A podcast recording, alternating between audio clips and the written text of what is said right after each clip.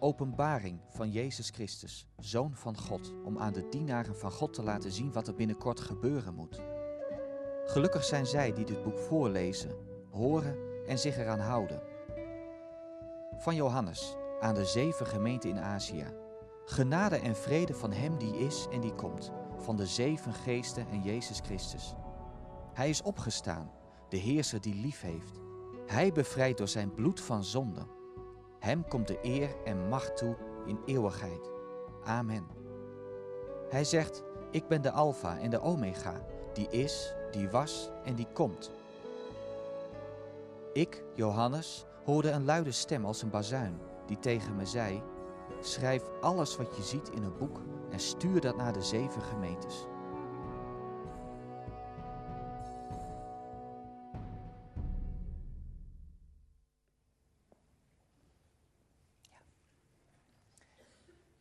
Ik eh, bid met jullie. Vader in de hemel, dank u wel.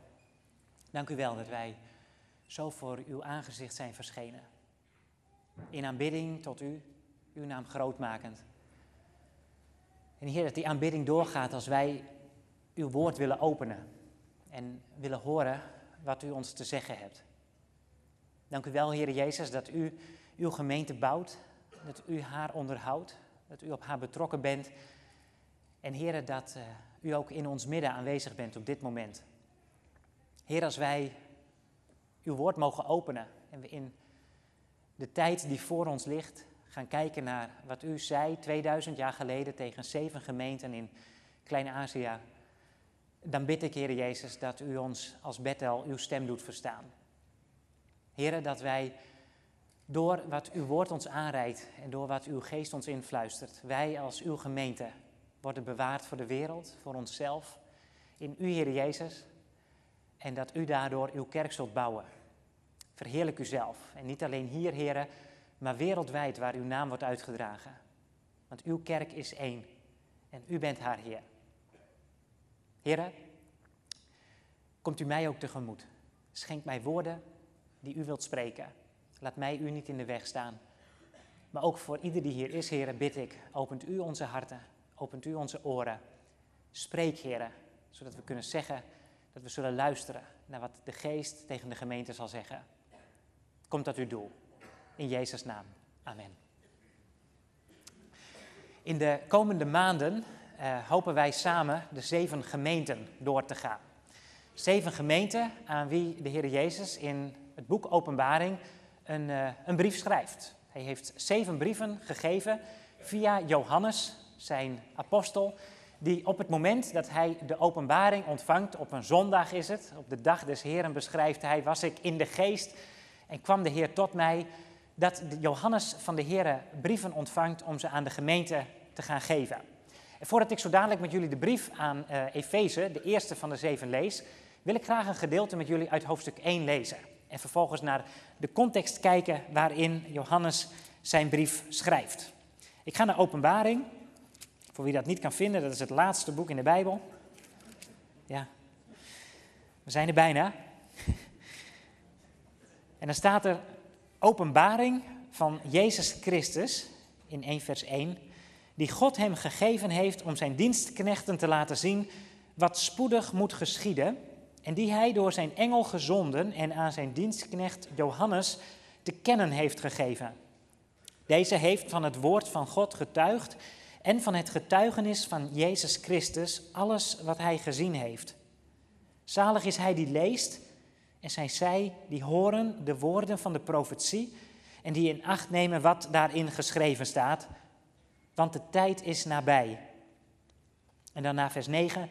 Ik, Johannes, die ook uw broeder ben en deelgenoot in de verdrukking en in het koninkrijk en in de volharding van Jezus Christus, was op het eiland genaamd Patmos omwille van het woord van God en het getuigenis van Jezus Christus. Ik was in de geest op de dag des Heren en ik hoorde achter mij een luide stem als van een bazuin die zei: Ik ben de Alpha en de Omega, de eerste en de laatste. En wat u ziet, schrijf dat op een boekrol en stuur het aan de zeven gemeenten die in Azië zijn. Naar Efeze, naar Smyrna, naar Pergamus, naar Thyatira, naar Sardis, naar Philadelphia en naar Laodicea. En ik keerde mij om om de stem te zien die met mij had gesproken. En toen ik mij had omgekeerd, zag ik zeven gouden kandelaren. En te midden van de zeven kandelaren zag ik iemand die op de zoon des mensen leek, gekleed in een gewaad tot op de voeten en op de borst omgord met een gouden gordel. En zijn hoofd en haren waren wit als witte wol, als sneeuw. En zijn ogen waren als een vuurvlam. En zijn voeten waren als blinkend koper, gloeiend gemaakt in een oven. En zijn stem klonk als het geluid van vele wateren. En hij had zeven sterren in zijn rechterhand. En uit zijn mond kwam een tweesnijdend scherp zwaard. En zijn gezicht was zoals de zon schijnt in haar kracht. En toen ik hem zag, viel ik als dood aan zijn voeten. En hij legde zijn rechterhand op mij en zei tegen mij: Wees niet bevreesd. Ik ben de eerste en de laatste en de levende. En ik ben dood geweest en zie, ik ben levend tot in alle eeuwigheid. Amen. En ik heb de sleutels van het rijk van de dood en van de dood zelf. Schrijf nu op wat u hebt gezien en wat is en wat hierna zal geschieden. Het geheimenis van de zeven sterren die u in mijn rechterhand hebt gezien en van de zeven gouden kandelaren is, de zeven sterren zijn de engelen van de zeven gemeenten en de zeven kandelaren die u hebt gezien zijn de zeven gemeenten. Dat is grotendeels hoofdstuk 1 van het boek Openbaring van Johannes, Apocalyps. Dat wat geopenbaard, dat wat ontdekt wordt. We spreken ongeveer het jaar 90, 95, tussen die jaren, waarin Johannes dit woord van de Heer Jezus krijgt. Op een zondag krijgt hij die openbaring van Jezus. En hij zit op Patmos. En uh, dat is een eiland voor de kust van Turkije. En vroeger ging je niet uh, op vakantie naar die eilanden. Vroeger waren eilanden verbanningsoorden. En Johannes die is daar opgesloten vanwege het woord van God en het getuigenis van Jezus Christus. Johannes die heeft, net als alle andere vrienden van Jezus, van Jezus de opdracht gekregen, ga de wereld in en maak alle volken bekend wie ik ben. En Johannes is op het moment van het ontvangen van deze openbaring van de Heer Jezus zelf, rond het jaar 90 na Christus op Patmos, waarschijnlijk een van de elf, Judas was er al niet meer, later is Matthias toegevoegd, een van de twaalf discipelen van de Heer Jezus die nog in leven is. Van zoveel andere getuigen, ook de apostelen van de elf, weten we dat ze in de jaren die gekomen zijn nadat Jezus naar de hemel was gegaan en zij de wereld waren ingegaan, bekend geworden dat ze om het leven zijn gebracht. Vanwege het getuigenis van Jezus Christus. Er zijn kerkvaders, dat zijn de eerste boeken in de tweede en derde eeuw na Christus, die beschrijven hoe ze ook Johannes van het leven hebben willen beroven. Onder andere door hem te koken in olie. Die man die moet een verschrikkelijk leven hebben gehad en een lijden achter Christus aan, maar hij heeft het overleefd. En hij zit hier op het eiland vanwege het getuigenis van Jezus Christus. En hij krijgt van de Heer Jezus voor zeven gemeenten een boodschap. Bijzondere is, die zeven, ik zal ze zo dadelijk met u langslopen, hebben allemaal alle zeven brieven ontvangen, zoals wij ze vandaag in dit boek voor ons hebben liggen. Ze mochten in Efeze weten wat er in Smyrna gebeurde. En in Laodicea waren ze op de hoogte met zustergemeente even verderop Philadelphia. Zo mogen wij op de hoogte zijn met wat er in deze gemeente gebeurt. En waarom zijn het er zeven? Omdat de Heer Jezus volgens mij laat zien, zeven, het getal van de volheid, ik ben op mijn hele gemeente betrokken. Er is geen plaats op deze wereld waar mensen die zeggen, Jezus is Christus, is Heer, waar die mensen samenkomen, dat ik niet betrokken ben op die plaatsen. Want die gemeente is namelijk van niemand anders dan van mij. Die kerk, die is van mij. Curiacoon, weet u het nog? Ik ben de kerk. Nee, de kerk is, ik ben van de Heer. Van de Heer. Jezus bouwt zijn kerk. En als symbool daarvan gebruikt hij zeven kandelaren. Die kandelaren, dat zijn de, de middelen waardoor God zegt, zo wil ik mijn licht laten schijnen in deze wereld. En hij zegt, schrijf aan de zeven engelen. Dat zijn die zeven sterren die Jezus in zijn hand houdt. En die engelen, letterlijk het, woordje, het Griekse woord angelos, waar het woord engel van komt, betekent ook boodschapper. Dus ik hou het best voor mogelijk dat Bethel haar eigen engel heeft. Dat de Heer een engel over ons heeft gesteld die zegt, zie jij erop toe, mensen komen en mensen gaan, maar dat binnen de poorten van dat gebouw, wat Bethel wordt genoemd, huis van God, dat het werkelijk waar Bethel kan zijn want als de naam van Jezus Christus, mijn geliefde zoon, daar niet meer gepredikt wordt, dan zal het licht uitdoven en dan trek ik jou terug. En door die engel heen Stuurt Hij engelen aan? Geeft Hij ons woorden om boodschapper te zijn? En moeten wij pal staan voor het feit dat dit de kerk is, niet van Bethel, niet van leidinggevende, niet van iemand anders dan van Jezus Christus zelf, aan wie elke leidinggevende binnen deze gemeente verantwoording verschuldigd is. Johannes moet schrijven aan die zeven gemeenten. En waarom zit Johannes op Patmos? Nou, ik zei het al, vanwege het feit dat hij gelooft dat Jezus Heer is. En als jij gelooft dat Jezus Heer is, dan komt het je in, je in dit leven niet, niet aanwaaien. Hoe mooi mensen het ook kunnen maken. Er kan vervolging komen, er kan verdrukking komen over de kerk van de Heer Jezus Christus. Sterker nog, het is bijna niet normaal dat het niet zo is in een land als het onze. Misschien worden we wel eens beschimpt om ons geloof en uitgelachen. Maar zoals broers en zussen in landen waar Jezus Christus niet gekend mag worden, lijden, zo zegt Christus, houd daar rekening mee. Daarom stuurt hij de zeven gemeenten een brief en zegt hij, jullie moeten weten waar het om gaat. Het gaat niet om de bevestiging van je eigen gelijk. Het gaat niet om je comfort. Het gaat niet om de vraag of de mensen in de wereld goed spreken over jou als kerk. Het moet ons gestolen kunnen worden, lieve broers en zussen, wanneer over Bethel gesproken wordt als zou het een kerk zijn uit het jaar nul. ik hoop en ik bid dat wij een kerk zijn uit het jaar nul. Dat wij namelijk staan voor wat de Heer Jezus 2000 jaar geleden bracht. En dan staat alleen de Heer voor jou en voor mij en die zegt, ik schrijf de gemeente aan. En van die gemeente maak jij onderdeel uit. En jij bent daar. En Jezus zal aan alle zeven kerken gaan schrijven, ik ken je werken en ik weet wat je uitvreet en ik weet wat je doet.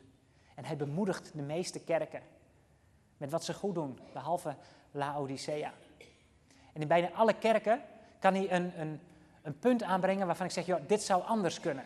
Behalve aan Smyrna en aan Philadelphia. En hij zegt tegen elke kerk, pas goed op mij en let goed op mijn woord. Want ik heb een boodschap voor je. Wat gebeurt er in openbaring? Als je verder zou lezen met me, ik ga er vandaag niet aan toekomen heel openbaring te lezen.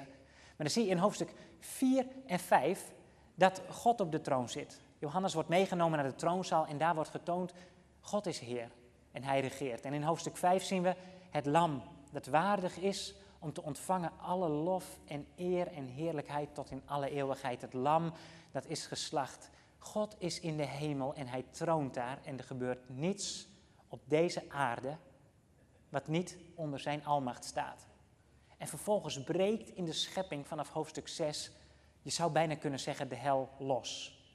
Want de schepping die breekt en die zucht in al haar barensweeën. Voor een lezer in het jaar 2018, waar we zijn, is het ontzettend nodig om je altijd bij het lezen van teksten als deze te verplaatsen in de eerste hoorder. En de eerste hoorder van dit boek, dit boek Apocalyps, dat waren zeven gemeenten in Klein-Azië, in Turkije. Ik wil jullie graag even laten zien op een plattegrond waar het lag. Mag ik het Middellandse zeegebied zien? Hier zien jullie het Middellandse zeegebied. Dan hebben we hieronder Jeruzalem in Israël. Als ik Jeruzalem erbij mag, de stad van de vrede. En hier hebben we nog een grote stad, Rome. En het gebied waar we ons de komende maanden gaan begeven, is dit gebied in het rode kader. Hier zie je Griekenland, Macedonië. En dit is de plaats waar de zeven gemeenten gevestigd waren. Klein-Azië werd het genoemd. Tegenwoordig is het Turkije, waar ontzettend veel gebeurt. Als we dichterbij kijken, dan zien we dat hier voor de kust van het huidige Turkije het eilandje Patmos ligt. Een kale rots midden in de zee. Daar staat Johannes opgesloten. En als Johannes zijn openbaring krijgt, dan mag hij brieven gaan sturen. Eerst aan de gemeente in Efeze, die daar lag. En boven Efeze lag Smyrna. En boven Smyrna lag Pergamum. Dan gaan we naar rechts op de kaart. Naast Pergamum lag Thyatira. Zakken we af richting Sardes. Van Sardes gingen we dan naar Philadelphia. En van Philadelphia tot slot naar Laodicea. Even over die laatste twee plaatsen. Ik ken verschillende gemeenten die Philadelphia heten. Kent u ook gemeenten die zo heten? Kent u, kent u ook gemeenten die Laodicea heten? Er Laodicea. Nee, ik vroeg me af, waarom durft niemand zichzelf die naam te geven? Maar we komen er. En dan zie je dat het rondje rondgaat, dan is die weg terug. En dat was de weg die de postbode moest afleggen. Kleine 400 kilometer. Achter op de fiets, de brieven in de fietstas en dan ging je. 80 kilometer met de boot en dan een rondje. En al die kerken kregen die, kregen die brieven. Het zijn kerken in een plaats waar op het moment dat Johannes de openbaring krijgt, een machthebber regeert, die het de kerk van Jezus Christus ontzettend moeilijk en zwaar zal gaan maken. Er gaat vervolging losbreken. U moet zich realiseren, de eerste jaren uh, van uh, de verspreiding van het evangelie van Jezus Christus, toen was er één volk op deze hele wereld, althans in dat grote Romeinse gebied, dat niet hoefde te knielen voor de keizer in Rome. Die hen niet als God hoefde te aanbidden. Domitianus, de keizer van dit moment, als Johannes zijn openbaring ontvangt, die dwong het hele volk op de knieën. Die zei: Jullie moeten en zullen mij aanbidden als God. Eén volk had een uitzonderingspositie en dat was het volk Israël. Israël moest daarvoor een speciale belasting betalen aan de keizer. De fiscus judaicus werd hij genoemd. Het woord fiscus kent u wel. En judaicus, daar komt het woord jood ook van. Joden, Judeërs. De bijzondere belasting die zij moesten betalen, daarvan werd trouwens de eredienst van Jupiter in stand gehouden. Dus het was een verschrikkelijke vernedering voor het volk. Maar als ze dat deden, dan hoefden zij niet te knielen voor de keizer. Dan was er een tweede volk bijgekomen en die leek in veel opzichten op dat volk van Israël. De mensen noemden zichzelf christenen. Maar Domitianus ging vragen stellen aan die christenen en kwam erachter, niet in alle opzichten zijn deze mensen gelijk geworden aan het volk Israël. Ze laten zich niet besnijden, ze houden zich niet aan alle offer- en reinheidsrituelen. Ze dienen iemand anders dan de God van Abraham, Isaac en Jacob in de ogen van de keizer. En dus zei hij, wat doen jullie? Het is buigen of barsten. Gaan jullie niet knielen voor mij? Dan zul je Jood moeten worden en de belasting betalen zoals zij dat doen. En anders gaat je hoofd eraf. En mensen gingen vervolgd worden. Er brak een hevige vervolging uit over de gemeente van Jezus Christus. En er kwam een tijd van verschrikking over het Romeinse Rijk. Nu zijn we 2000 jaar later en zien wij, als u me kunt volgen, een profetisch perspectief zich ontwikkelen. 2000 jaar geleden mocht Johannes beschrijven hoe het een verschrikkelijke tijd over de gemeente en over de wereld ontstond onder keizer Domitianus. Ik geloof dat wij goede reden hebben om te verwachten dat onze Heer spoedig komt. Omdat Jezus aangeeft, ik verbind mijn belofte aan de gemeente, die over de hele wereld verspreid zal moeten worden. In elke taal zou mijn goede nieuws geklonken moeten hebben. En dan breekt de dag aan dat ik zal komen om mijn bruid tot me te nemen. En Johannes mag beschrijven hoe in de laatste dagen Israël een centrale rol zal krijgen. En zoals 2000 jaar geleden eigenlijk één monetaire eenheid is dat het goede woord? Iedereen had één munt en er was één systeem waardoor iedereen kon betalen. Zo mag Johannes beschrijven hoe juist in de laatste dagen de hele wereld geknecht zal gaan worden door één systeem waarbij iedereen alles van iedereen weet. En mensen weten, ik kan op die manier door de tijd, zo mogen we betalen, zo mogen we gaan rekenen. En we zien het voor onze ogen zich voltrekken, hoe de tekenen van de tijd zich opstapelen. Soms merk ik dan wel bij mezelf dat ik ook denk, ach heer, kom ook maar. Wat mij betreft is het wel klaar. En soms in gesprekken met mensen, dan kom je erachter, ja, we hebben er tabak van. Het zit erop. Wat ons betreft, Heer, kom liever vandaag dan morgen. En de Heer Jezus, die ziet dat verlangen in ons hart. En die zegt, daar kan een verlangen bij zitten wat goed is en wat heus is. Maar er kan ook een onheilig verlangen naar de komst van de Heer Jezus zijn. En dat onheilige verlangen zal alleen te maken hebben met het feit dat Jacob Volkerts er wel klaar mee is. Terwijl de Heer zegt, hoe zit het met je buren? Hoe zit het met die lege stoelen die we hier vandaag nog zien? Mijn huis moet vol zijn. Ik heb een boodschap voor de wereld. En als Jezus deze zeven brieven gaat schrijven aan deze zeven gemeenten, en als Jezus vandaag een woord heeft voor Bethel in Drachten, anno 2018, dan zal hij niet zeggen: blijf maar lekker zitten en wacht nog maar even en blijf maar stil, want ik kom eraan hoor. Jezus zal zeggen: als ik dan kom, ben jij dan klaar? Houd jij er rekening mee dat ik elk moment op de stoep kan staan? Heilig jij jouw leven? Ik ken je werken. Ik weet wat er in je hart is en ik zeg je bekeer je, want ik kom eraan. En Jezus zit niet te wachten op een lauw christendom, waarin wij in afwachting van zijn komst zullen zeggen, nou de verdrukking zal wel aan ons voorbij gaan.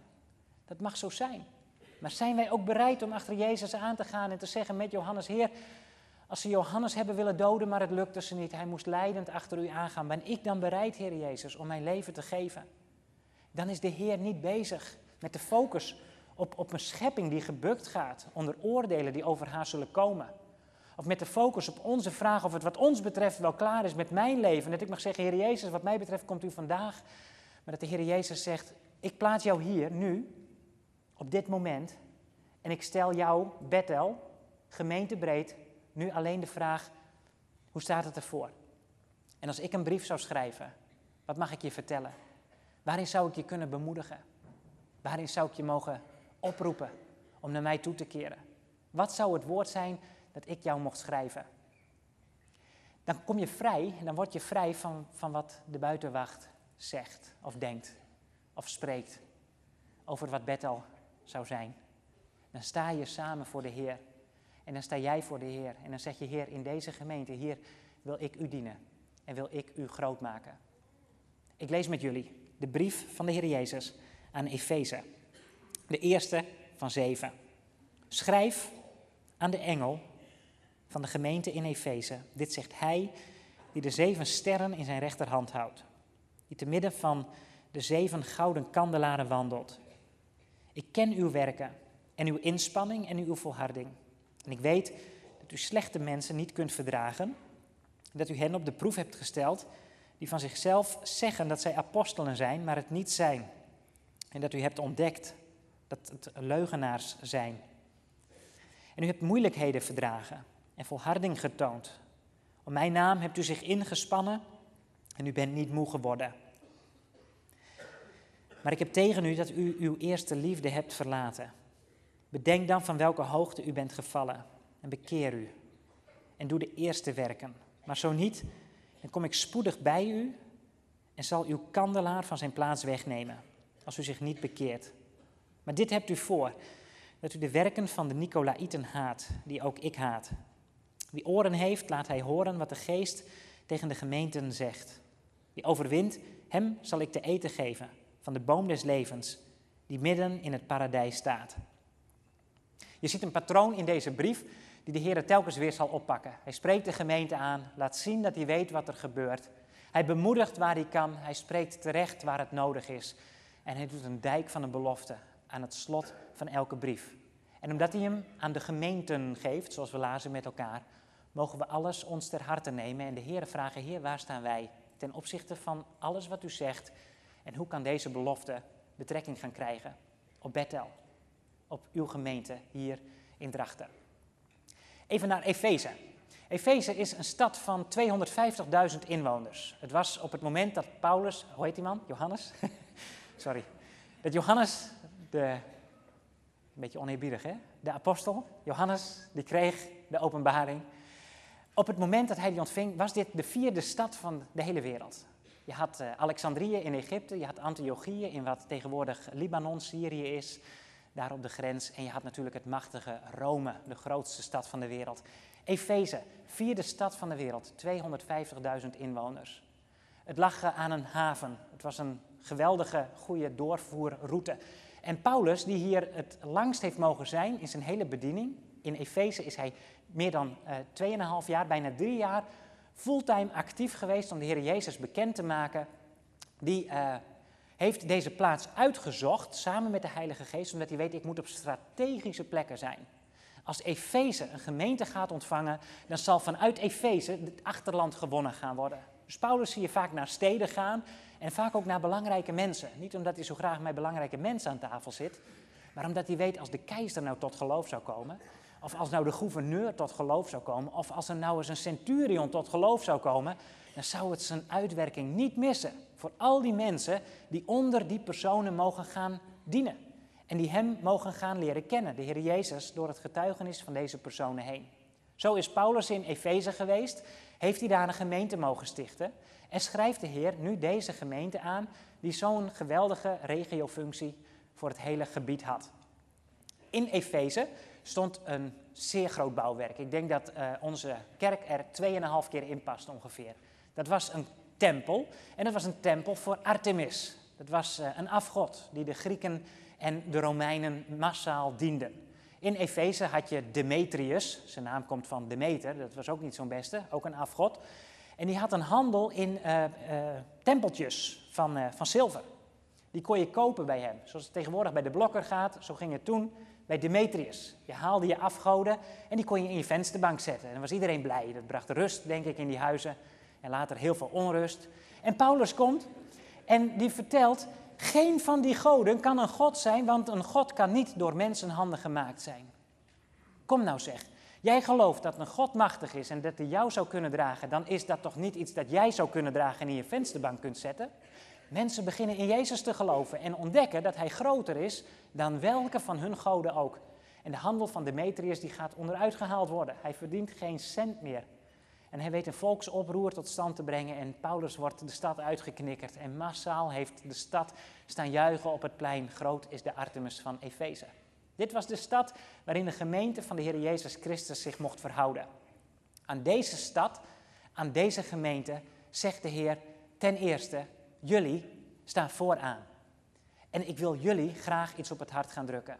Ik weet wie je bent en ik ken je werken. Ten eerste, ik zie jullie inspanningen en jullie volharding. En later zegt hij ook, jullie hebben moeilijkheden verdragen en volharding getoond. Om mijn naam heb je je ingespannen en je bent niet moe geworden. En Jezus kan ze ook bemoedigen met het feit dat hij kan zeggen, jullie hebben slechte mensen niet verdragen. Jullie hebben ze op de proef gesteld, die van zichzelf zeiden dat ze apostelen zijn, maar die het niet zijn. U hebt ontdekt dat het leugenaars zijn. En in vers 6 grijpt Jezus erop terug, volgens mij, als hij ook zegt, de werken van de Nicolaïten, die haten jullie. Met andere woorden, Jezus geeft een aantal bemoedigingen. De eerste is, ik zie jullie inspanningen en jullie volharding. Lieve gemeente in Efeze, ik zie dat jullie ontzettend je best doen. Ik zie dat jullie niet ophouden om diensten te organiseren.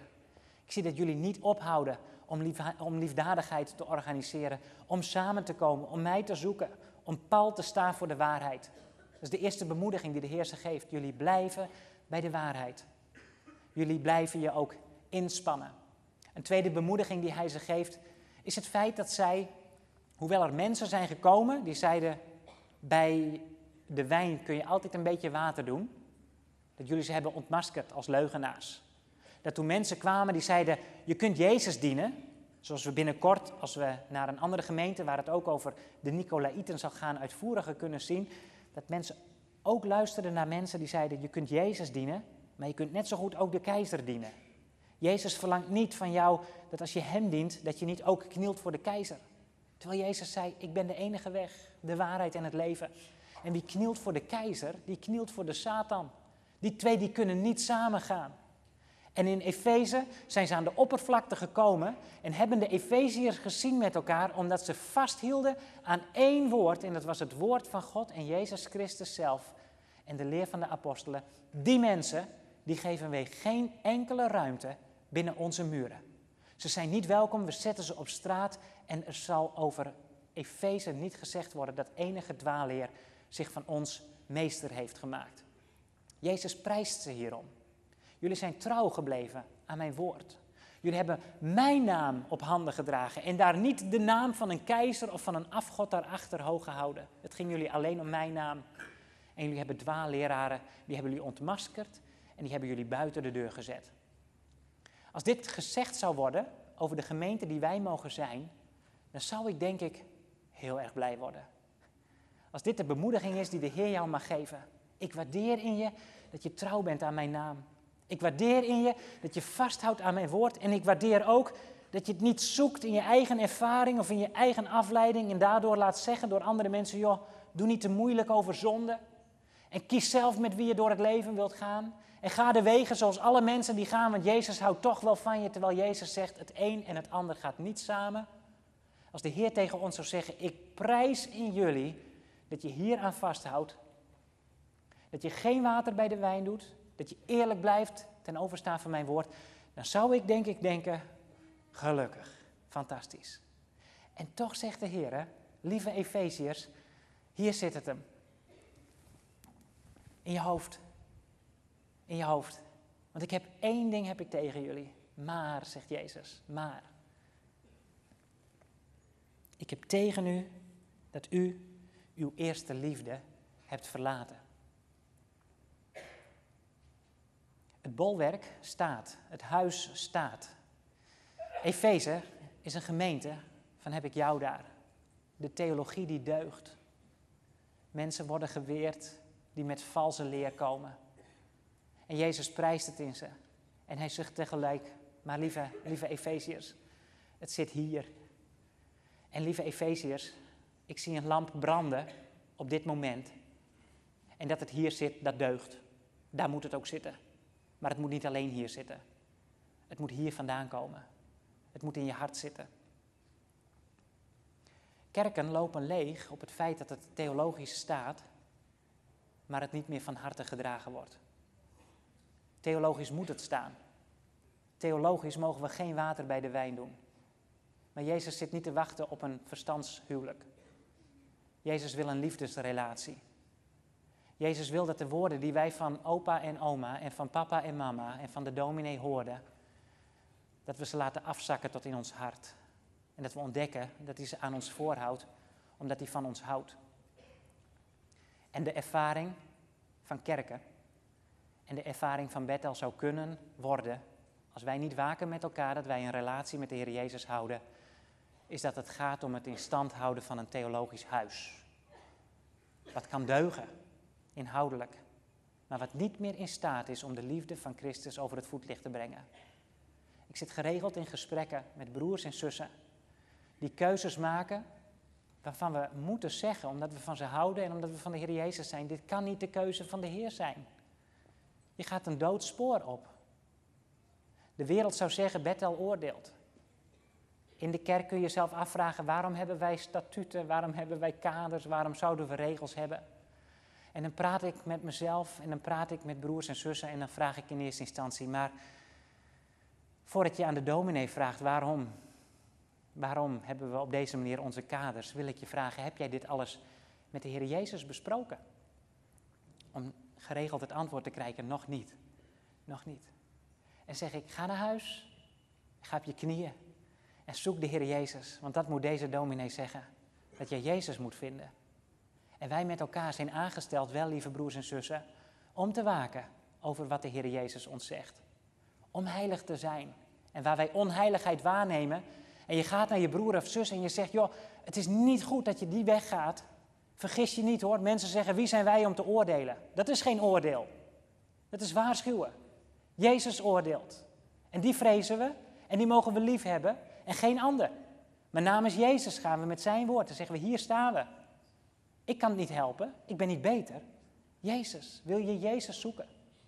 En zo stuur je elkaar naar huis en zeg je, ga Jezus zoeken in alle keuzes die je maakt. Want Jezus gaat het er niet om dat we uiteindelijk luisteren en als we weer tien jaar verder zijn, alleen nog maar kunnen zeggen, ja, nou ja, zo doen we dat nou eenmaal. Dat is onze hele veiligheid. Zo hebben we het georganiseerd met elkaar. Dat gebeurt in Efeze. Ik wil met jullie een stap terug in de tijd. We spreken nog steeds in het jaar 90, wanneer de Heer Jezus dit zegt tegen Efeze. Ik wil kijken wat de basis onder het feit dat dit heeft kunnen gebeuren in Efeze, dat het is gebeurd.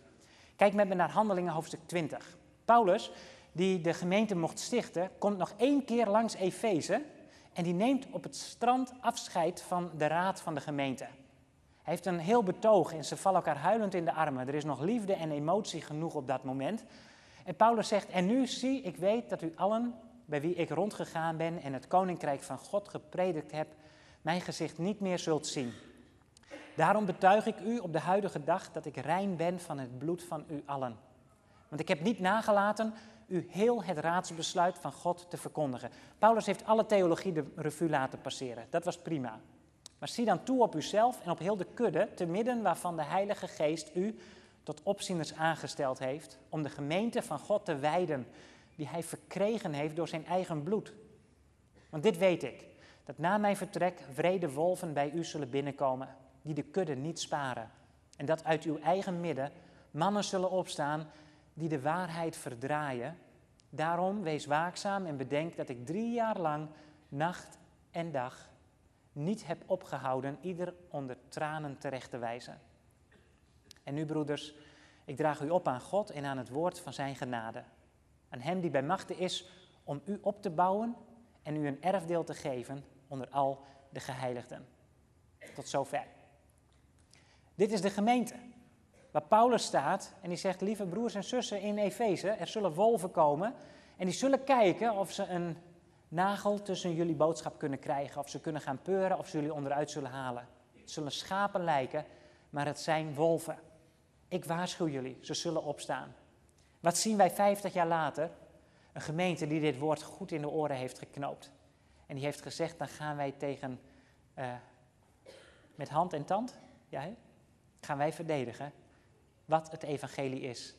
En we zullen het meegeven aan onze kinderen en aan onze kleinkinderen. En dat is inhoudelijk goed gegaan. Maar het hart is verloren geraakt. Daarom zegt Jezus, 50 jaar later, ik wil jullie terug. Ik wil jullie terug. Ik wil dat jullie weer weten wie ik ben. Waarom ik mijn woord heb gegeven. Jullie eerste liefde. Ik wil dat je daaraan terugdenkt. Als ik terugdenk aan 14 augustus, zeg ik dat goed? Nee, 8 juli. 14 augustus kregen we verkering. 8 juli 2014. ja, 14 augustus kan ik ook aan denken. Toen kregen wij verkering. En 8 juli 2014, toen trouwden wij. Ik ging die dag naar de Wilgen, Drachtster Heerwij, zo'n 40, 47. En ik liep met mijn eerste en mijn nieuwste pak op dat moment, liep ik daar die, die oprit op en ik drukte op die deurbel. En die deur gaat open en we straalden allebei. En in de jaren daarvoor straalden wij al. En we kregen, toen wij verkering kregen, zo'n goede connectie met elkaar. Leonie en ik, we zaten bij elkaar op school. Je fietst naar huis en zodra je thuis bent, dan pak je de telefoon en dan bel je nog een uur met elkaar. Hij werkte bij PTT, dat, dat kon dan. Denk ik. Ja. En in daluren had je liever, geloof ik. je was voortdurend met elkaar in gesprek. Wat is het goed om, om een trouwdag te vieren, maar wat zou het best zijn om elke dag je trouwdag te vieren? Om ochtends wakker te worden en of je getrouwd bent of niet, naar de Heer toe te gaan en te zeggen, Heer, hier ben ik. En ik was hier niet geweest als u uw leven voor mij niet had gegeven. Heere, geef dat wat mijn veiligheid vandaag ook is in de dingen die ik weet over uw woord en waarin ik mijn rust en mijn veiligheid zoek, dat het niet te maken heeft met mijn eigen onbehagen over wat ik zou vrezen als ik geconfronteerd word met mezelf of met mensen, maar dat ik alleen met u wandel. Heren, mensen kunnen zeggen wat ze willen vandaag. Collega's kunnen wat van me vinden. Mijn familie kan me misschien uitlachen omdat ik in u ben gaan geloven. Maar Heer Jezus, ik wandel met u in het licht. En samen, heren, houden we van elkaar. En ik prijs uw naam. Ik heb u een keer verteld over een piloot en ik wil het verhaal graag nog een keer kort vertellen. Hij heette Chesley Sullenberger en hij nam een groot vliegtuig vol met mensen mee naar een kilometer hoogte boven New York. En boven New York besloten twee troepen ganzen door de beide motoren van het vliegtuig te gaan. En de motors vielen uit. En hij moest met die bak weer naar beneden zien te komen, zonder dat ze te pletter zouden vliegen. Hij is als een volleerd zweefvlieger met een 737. Nou, die dingen zweven niet. Is hij naar beneden gekomen, heeft hij hem in de Hudson geland. U kunt de beelden daarvan terugvinden op internet. En heeft één voor één alle mensen het vliegtuig uitgeleid en als laatste is hij zelf gegaan. Ik wil u vragen om mensen die in het vliegtuig zaten, om ze op te zoeken en ze te bellen. En te vragen, kun je me iets vertellen over die piloot die toen aan de knuppel van dat stuur zat? Ik durf, dat ze, ik, ik durf te zeggen dat ze in vuur en vlam zullen staan. Zo enthousiast zullen ze over hem vertellen. De Heer Jezus die nam ons mee naar een grote hoogte. En hij vraagt de Efeziërs, denk terug, denk terug aan je eerste liefde. Bedenk, zegt Jezus letterlijk in dit stukje, van welke hoogte je gevallen bent en keer weer terug naar mij. Jezus heeft meer gedaan dan een piloot die ons vliegtuig veilig aan de grond heeft gezet. Jezus heeft zijn leven voor jou gegeven. Jezus is gestorven in jouw plaats. Als Jezus dat niet had gedaan, dan waren we naar de hel gegaan. Dan waren we verloren geweest. Hadden we hier niet gezeten met elkaar. En Jezus zegt, dat deed ik omdat ik zoveel van je hou. Ik hou van je. Heeft iemand dat wel eens tegen je gezegd? Jezus zegt het vandaag. Ik hou van je. En ik wil alleen maar dat je bij mij komt en tegen mij terug kunt zeggen, en ik hou van u. Wat ben ik blij met u. En misschien begint dat wel voor jou met een wilsbesluit om het te leren uitspreken naar Jezus toe. Jezus, ik hou van u. Ik dank u dat ik er mag zijn in wie ik ben. Ik dank u dat u mij uw woord hebt gegeven en een gemeente waarin ik mocht opgroeien. Maar ik dank u ook dat ik u niet meer hoef te volgen om te voldoen aan de wensen van mijn ouders of aan de wensen van de dominee of aan de wensen van vul ze maar in. Maar Heer, dat ik mag komen omdat ik gewoon van u houd en omdat u van mij houdt. En Jezus zegt, als dat de basis wordt onder die hele waarheid, waarvoor ik jou wil vragen, durf jij daar pal voor te staan?